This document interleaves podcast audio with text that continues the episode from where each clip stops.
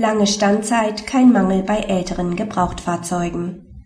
Bei einem älteren Gebrauchtwagen ist eine längere Standzeit kein Sachmangel, wenn an dem Fahrzeug keine Mängel vorliegen, die auf die Standzeit zurückzuführen sind. Der Kläger, der einen Autohandel betreibt, verkaufte dem Beklagten einen zehn Jahre alten Chevrolet zum Preis von 13.900 Euro.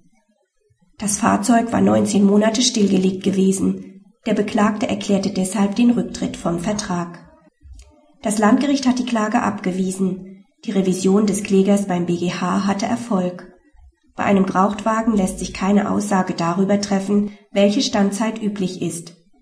Aus Sicht des Käufers eines Gebrauchtwagens kommt es nicht auf den Zeitablauf, sondern wesentlich darauf an, unter welchen Bedingungen das Fahrzeug abgestellt war. Bei einem fachgerechten Vorgehen kann der Zustand eines auch über längere Zeit stillgelegten Fahrzeugs besser sein als bei gleichartigen Fahrzeugen ohne Standzeit. Aus diesem Grund hob der BGH das klageabweisende Urteil des Landgerichts auf. Praxishinweis ob eine längere Standzeit einen Mangel darstellt, richtet sich nicht nach der Länge der Standzeit, sondern nach der Beschaffenheitsvereinbarung zwischen den Vertragsparteien. Was bei einem Neuwagen bzw. einem Jahreswagen als Mangel anzusehen ist, stellt sich bei einem alten Fahrzeug anders dar.